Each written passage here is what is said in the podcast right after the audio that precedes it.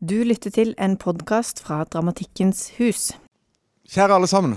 eh, Velkommen til Dramatikkens hus. Eh, Vi er veldig eh, glad for at så mange har møtt opp. Og jeg snakker i en mikrofon, for vi gjør et opptak av denne foredragsserien som dere kan Hvis det, hvis det var noe dere var redd for dere ikke fikk med dere i kveld, så gå inn på våre hjemmesider og hør det på nytt. Det var dagens egenreklame. Um, vi er glad for å ønske Julian Blaue velkommen. Skribent, dramatiker, performanceartist. Har ved ja, flere anledninger møtt uh, dagens tema, holdt jeg på å si. Uh, Peter Hanke. uh, og skrevet artikler og eh, tekster om hans dramatikk og forfatterskap, og vil få med seg på scenen eh, forfatter Eddie Poppy, eh, som har vært hans første nei, eh, redaktør i hans tekstarbeid rundt denne mye omtalte forfatteren. Ja, da er det ikke så mye mer jeg skal si enn at det vil vises et bilde her ganske snart, som er tatt av en fotograf som heter Falk. Og dermed ønsker jeg Julian Blaue velkommen.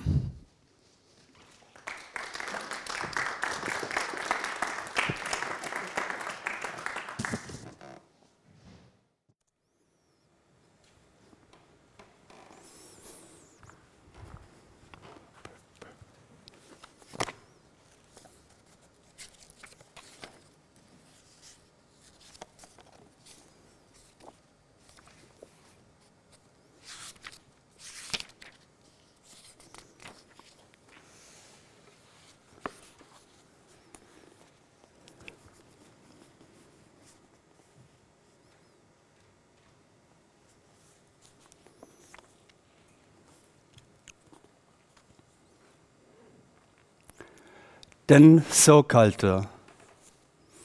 Søndag 21. september 2014 går jeg til Nationaltheatret. Foran teatret står protesterende mennesker.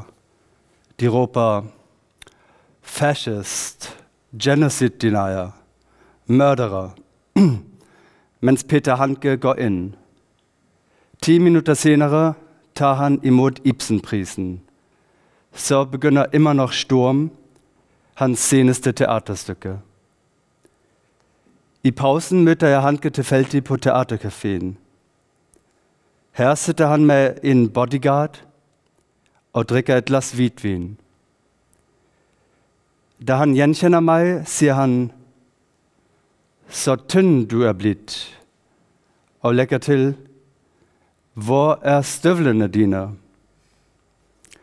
Da jeg i 2009 hadde en samtale med ham i huset hans utenfor Paris, kom jeg i store russiske paradestøvler midt på sommeren.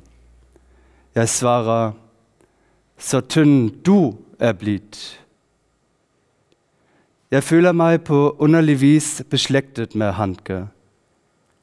På Ibsen-konferansen dagen etter i Skien møttes blikkene våre flere ganger på en varm måte.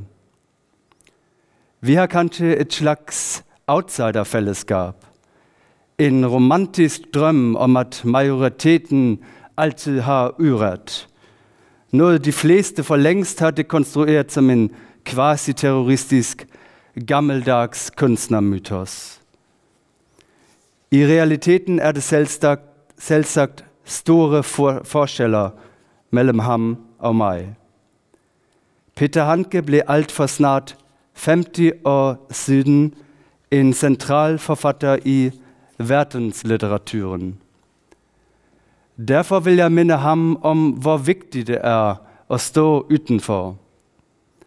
Jeg har besluttet å gi ham en huskelapp der det står skrevet Du har alltid vært mest genial når du gjorde opprør mot det etablerte i stedet for å anerkjenne det.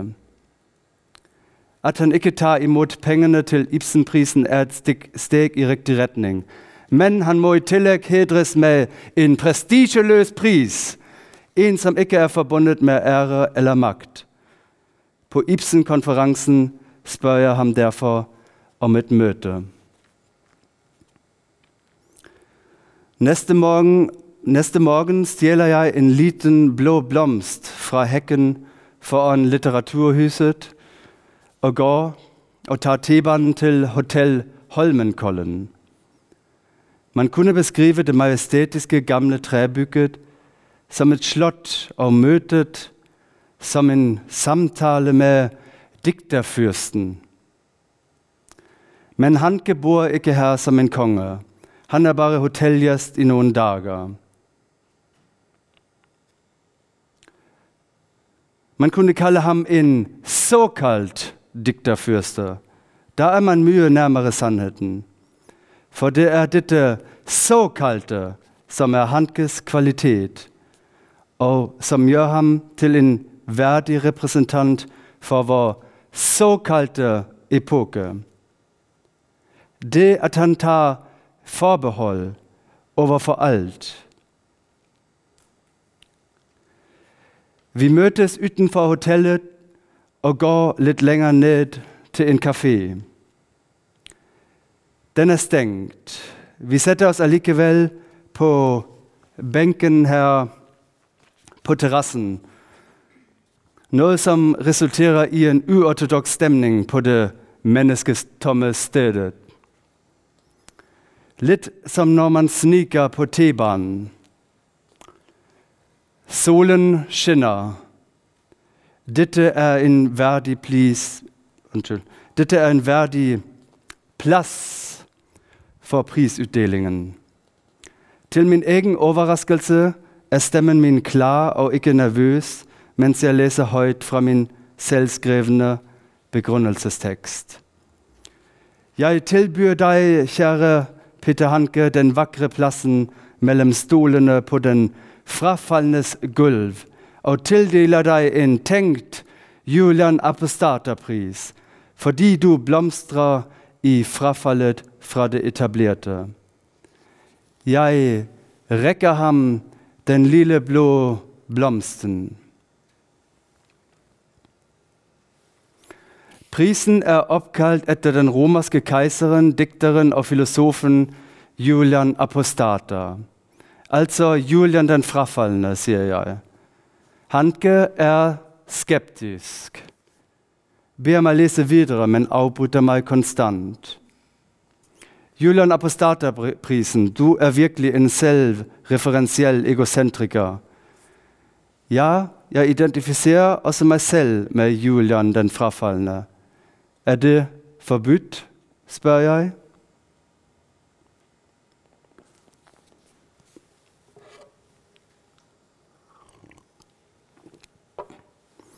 Immer noch, immer noch Sturm, stykket jeg nettopp så på Nationaltheatret, er en liten teaterrevolusjon. Utypisk for sjangeren har det en jeg-forteller, som i tillegg helt åpenlyst er Handke selv. Jeg leser videre i enmannsjuryens begrunnelse. Hvis tysklæreren den gang i Flensburg Hvis tysklæreren min hadde rett i at dramatikeren er fraværende i dramatikken, som han hevdet, ville jeg nok ikke gått på teatret i dag. Jeg klarer ikke å se på Poffen som ikke har noe med jeget som står bak dem å gjøre. Ja, det er interessant, avbryter Hanke ivrig. Ibsen ville nettopp dette, at man ikke skulle gjenkjenne ham i dramatikken hans. Dramatikeren skulle ikke etterlate noen spor. Jeg vil at man skal vite at det er jeg som snakker, men den private Hanke og kunstneren Hanke foretar en slags arbeidsdeling. Innholdet kommer fra meg personlig, mens kunstneren tar seg av formen. Regissøren Klaus Peimann fortalte meg at han kanskje skal sette opp det neste stykket dit. Hmm, jeg er usikker på det. Problemet med Peimann er at han er for teksttro. Han gjør presis det jeg skriver i regibemerkningene. Og det irriterer meg. Regissører må kjempe mot teksten, ikke spille på lag med meg. Jeg læser dette lidt for dramatisk. Hanke ville nok snakke mere subtil. Det er formidlingspro- et formidlingsproblem som vi kanskje senere kan snakke om. Jeg spør Hanke hvordan han har opplevd de siste dagene her i Norge, der den gamle skandalen rundt hans ord om Serbia er blitt tatt opp igjen. Kaller du det dager? Det var spøkelsesnetter, sier han med en avfeiende, men allikevel vennlig håndbevegelse. Du beskriver bare et Serbia utenfor du- dualismene, sier jeg, utenfor svart-hvit-tenkningen. Du gir det singulære, som Knausgård kaller det, en stemme. Det som ikke lar seg abstrahere til noe allment. Den enkeltes liv, som også faller utenfor rasjonaliteten, og som derfor ikke kan beskrives av media, som bare opererer med rasjonelle begreper. Diktningens oppgave er å formulere motspråket til det rasjonelle? Nei, svarer han. Rasjonalitet og diktning er ikke motsetninger. Diktningen er dypest sett også rasjonell. Selv drømmen følger en form for rasjonalitet. Det er mediene som ikke eier rasjonalitet. Det å abstrahere kan være vakkert. En flott prosess å gå fra det konkrete til det allmenne. Problemet er at mediespråket verken er abstrakt eller konkret. Det såkalte konkrete er jo bare standardiserte formler. Mediespråket er statsspråket. Den normerte statlige versjonen, for ikke å si forvrengningen av virkeligheten. Men journalistene vet antageligvis ikke hva de gjør. Jeg tror ikke det er ondskap at de skriver slik. De vet bare ikke bedre. Man må tilgi dem, slik Jesus tilga fiendene sine med ordene som du brukte da du var kommet inn på foajeen i Nationaltheatret etter at demonstrantene sammenlignet deg med en morder. Du sa bare God bless them. Han rødma. Når man formulerer det slik, blir Hanke jo til selve frelseren. En ny Kristus. Det er for mye selv for ham. Du sa også 'Jeg vil se de protesterende inn i øynene'. Ja, nettopp, sier Hanke og ser meg rett inn i øyeeplet.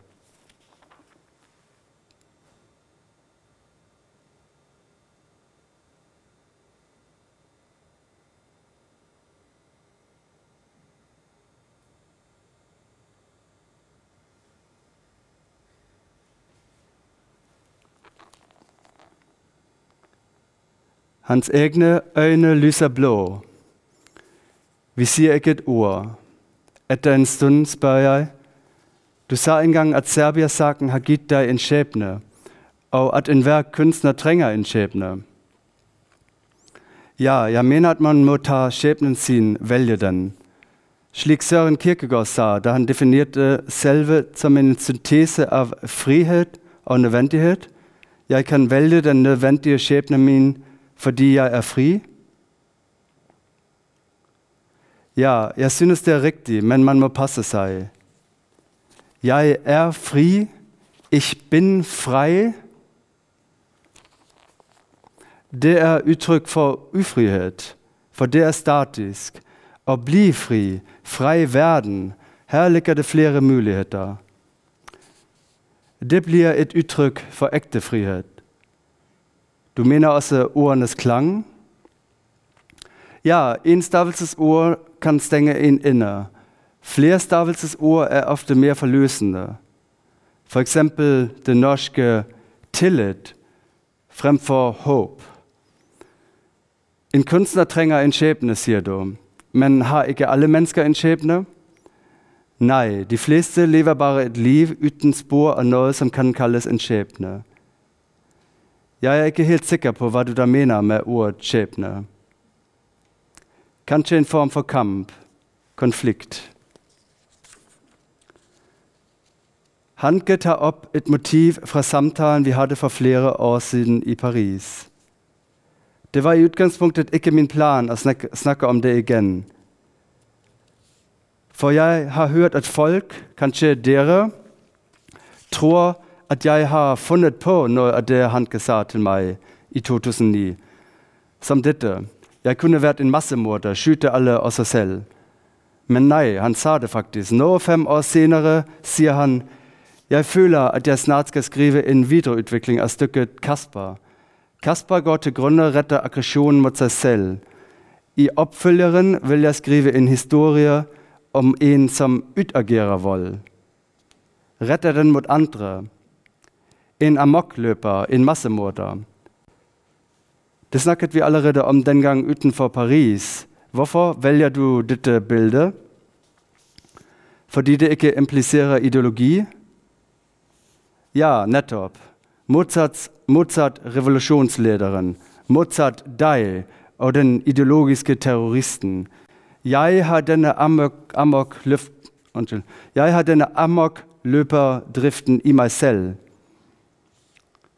Det er denne miksen av kristen mystikk, avantgarde-litteratur, samfunnsengasjement og uideologisk terrorisme som gjør at Hanke blir misforstått igjen og igjen. Han kan ikke plasseres. Det er derfor han får Julian Apostata-prisen av meg. Fordi han er den frafallende. Frafallen fra alt. Fra egne holdninger, posisjoner, ideologier, leire.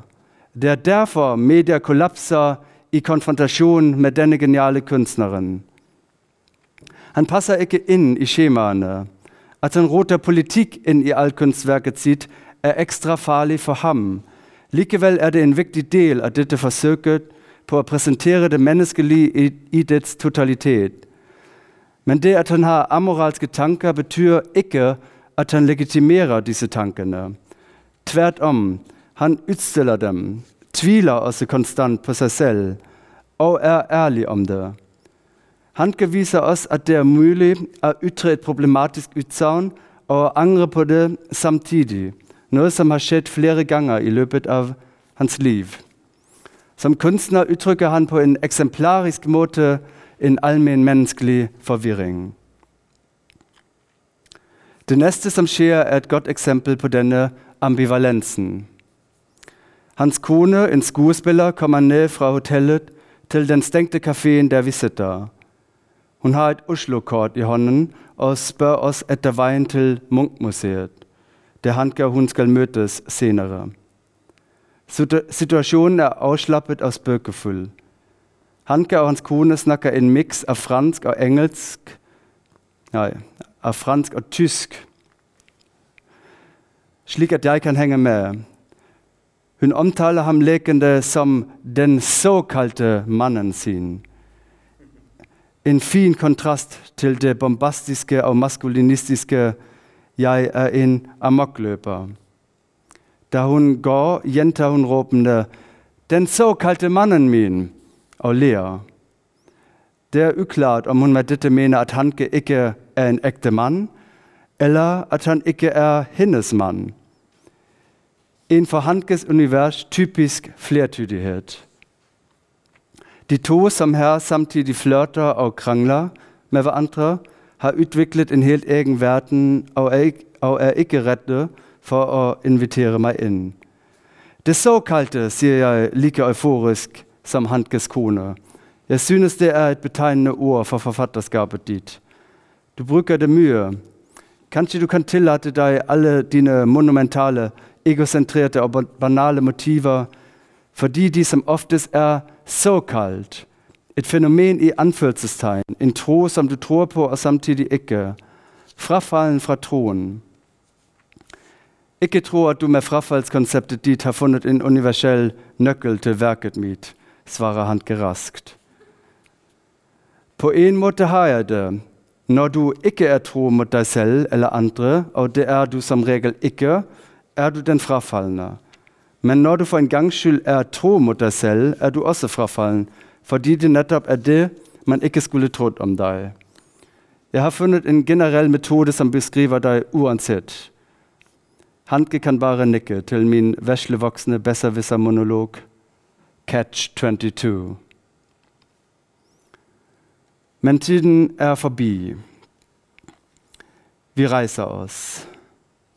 Jeg får ikke øye på den lille blå blomsten jeg ga ham noe sted. Det er viktig at du får med deg blomsten, sier jeg. Hvor er den? Beklager at jeg gjør et slikt nummer ut av dette. Ja, det begynner virkelig å bli et dårlig nummer, sier Hanke litt irritert. Jeg leter etter blomsten på bord og på bakken under stolen hans. Under benken, hvor må det bli? Der nede. Tar du prisen eller ikke? Han finner blomsten i mappen sin med papirer. Tar du imot blomsten min? Ja, jeg tar imot prisen, sier Peter Hanke snilt. Jeg følger ham et stykke tilbake til hotellet. På veien sier Hanke plutselig Min kone advarte meg mot deg. Hun sa at du ser ut som en morder. Jeg skal til å åpne munnen for å si noe tilbake, men han er raskere, klapper meg vennskapelig på kinnet og sier Vi ses snart. Så er han borte.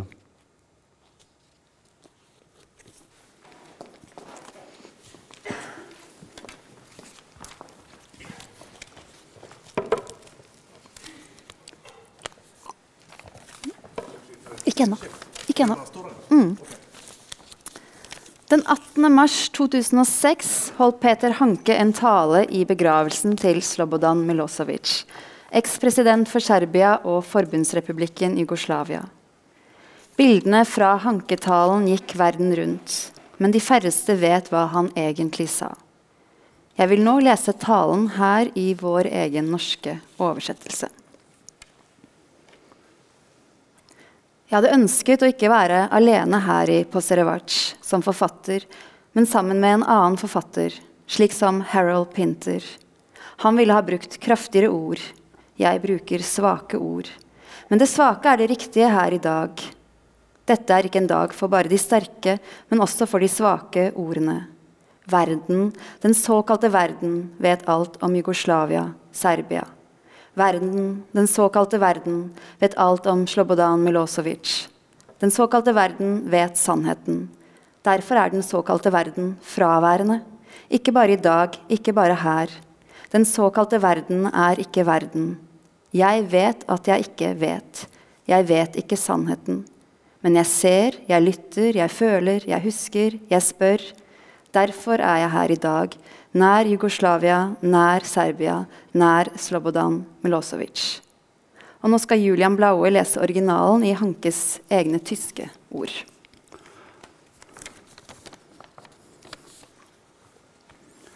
Ja, vi gjør det fordi um, Hanke er veldig opptatt av rytme og ordenes lengde, slik jeg også har beskrevet i tror det er et poeng å høre det på tysk. Ich hätte gewünscht, hier als Schriftsteller in Posarevac nicht allein zu sein, sondern an der Seite eines anderen Schriftstellers, etwa Harold Pinter. Er, er hätte kräftige Worte gebraucht. Ich brauche schwache Worte. Aber das Schwache soll heute hier recht sein. Es ist ein Tag nicht nur für starke, sondern auch für schwache Worte. Die Welt, die sogenannte Welt, weiß alles über Jugoslawien, Serbien. Die Welt, die sogenannte Welt, weiß alles über Slobodan Milosevic.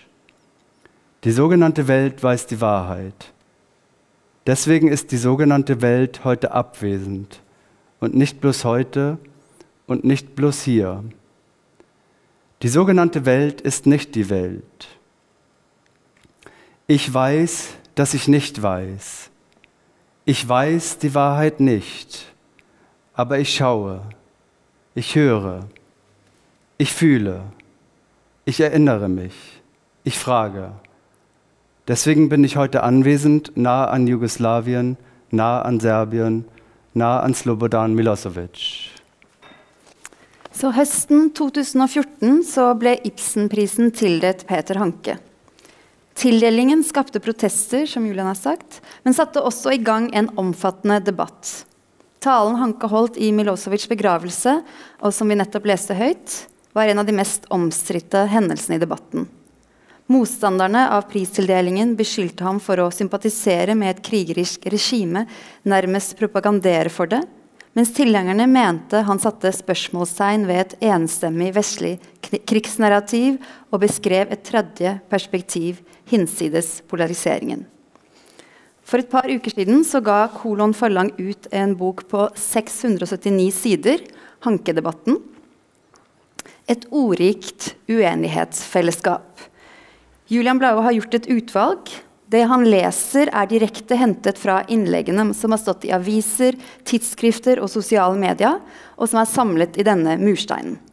Her kommer Julian Blaues rytmiske eskalasjon.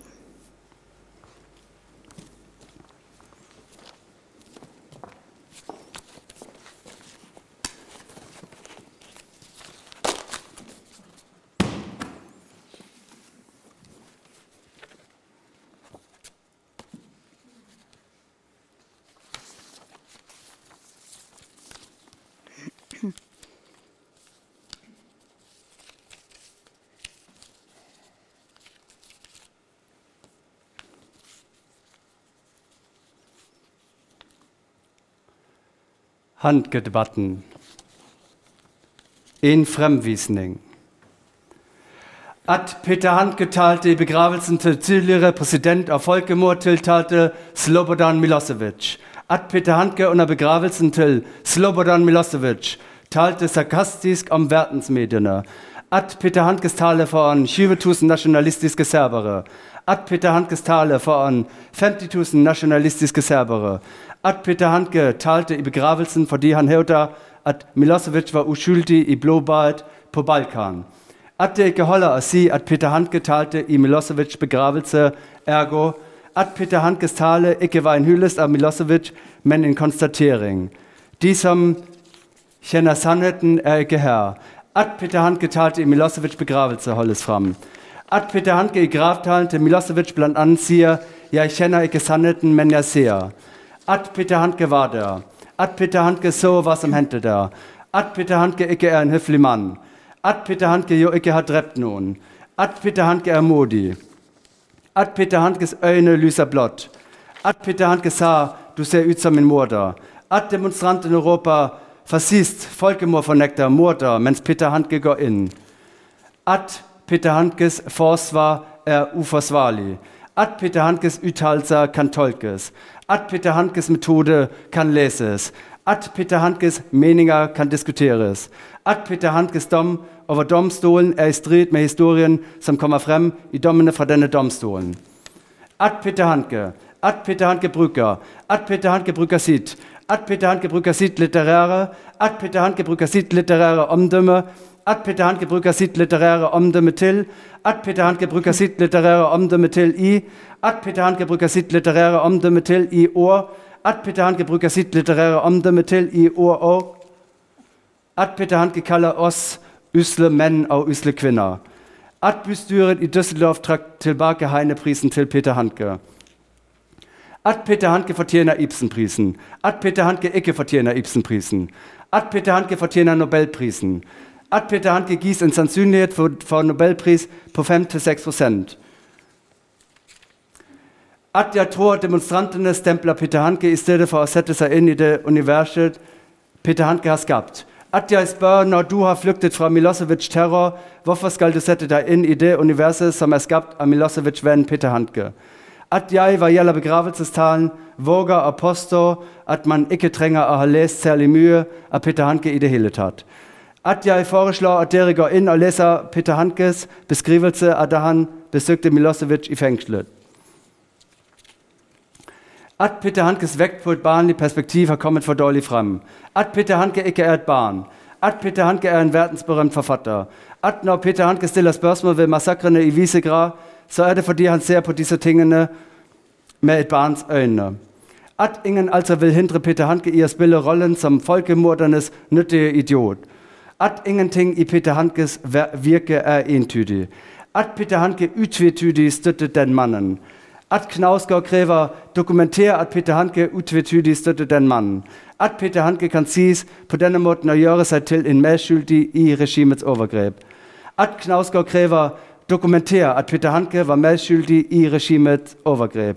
At Peter Handke skriver slik romantiserende klingklang. Historiefornektelse av det mest vulgære slag. At Knausgård krever dokumentere hvordan er det å si 'jeg kjenner ikke sannheten', historiefornektelse.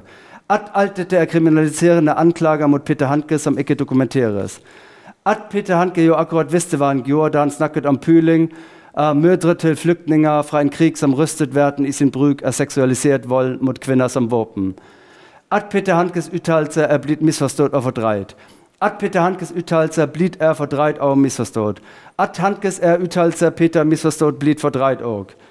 At arten av politisk engasjement gjør Peter Handke å motta en utmerkelse som Ibsenprisen. At arten av politisk engasjement gjør Peter Handke å motta en utmerkelse. At arten av politisk engasjement gjør Peter Handke uegnet.